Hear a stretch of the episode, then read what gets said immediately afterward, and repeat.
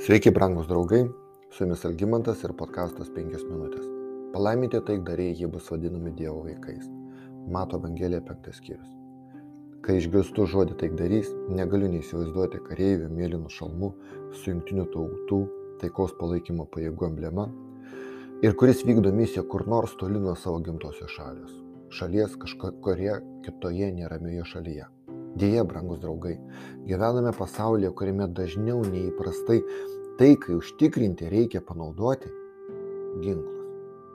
Ar jums tai netrodo paradoksalu? Ar apie tokią taikdarystės būdą kalbėjo Jėzus? Prieš suprasdami, apie kokius taikdarius kalba viešpats, turime suprasti, kas yra taika.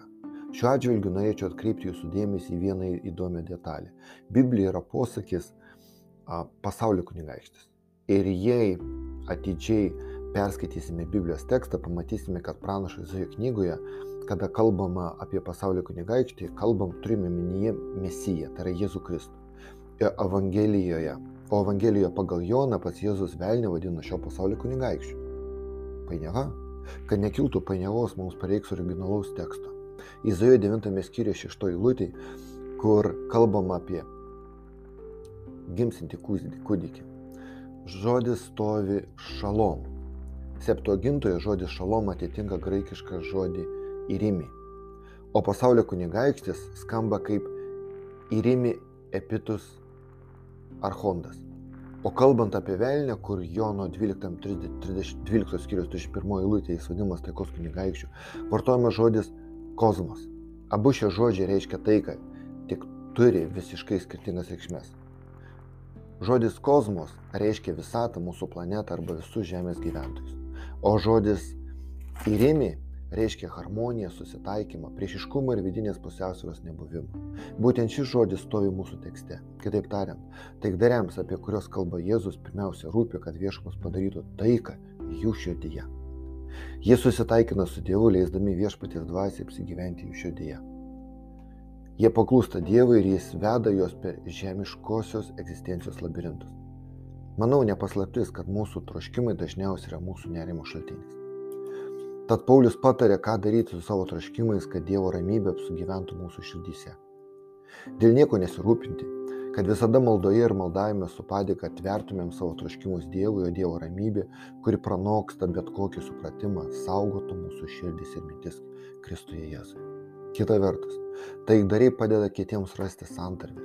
Pavyzdžiui, jie padeda susitaikyti tiems, kurie leido priešiškumui įsišaknyti jų širdyje. Jų tikėjimas, kad žmonės keičiasi, yra stipresnis už įtarumą.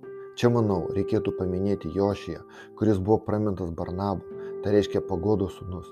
Juk jis buvo tas, kuris patikėjo Saulimi, kad net išrinktieji paštalai į jį žiūrėjo įtariai. Jis priėmė jį ir atvedė pas apaštalus, tapo Jėzaus ir persikitojo Sauliaus susitaikymo stebuklo liudininku. Būtent per Barnabą įvyko Sauliaus susitaikinimas su broliais. Jėzus sako, taikdariai bus vadinami Dievo sūnumis. Tai labai panašu į Jon, Jono žodžius.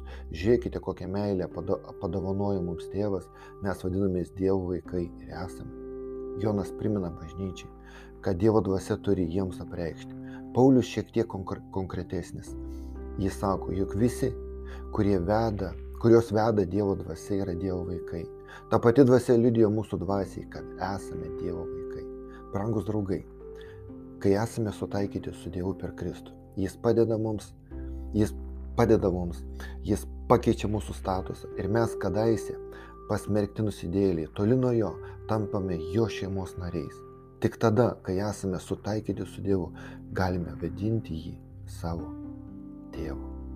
Su jumis buvo penkios minutės ir Algimantas.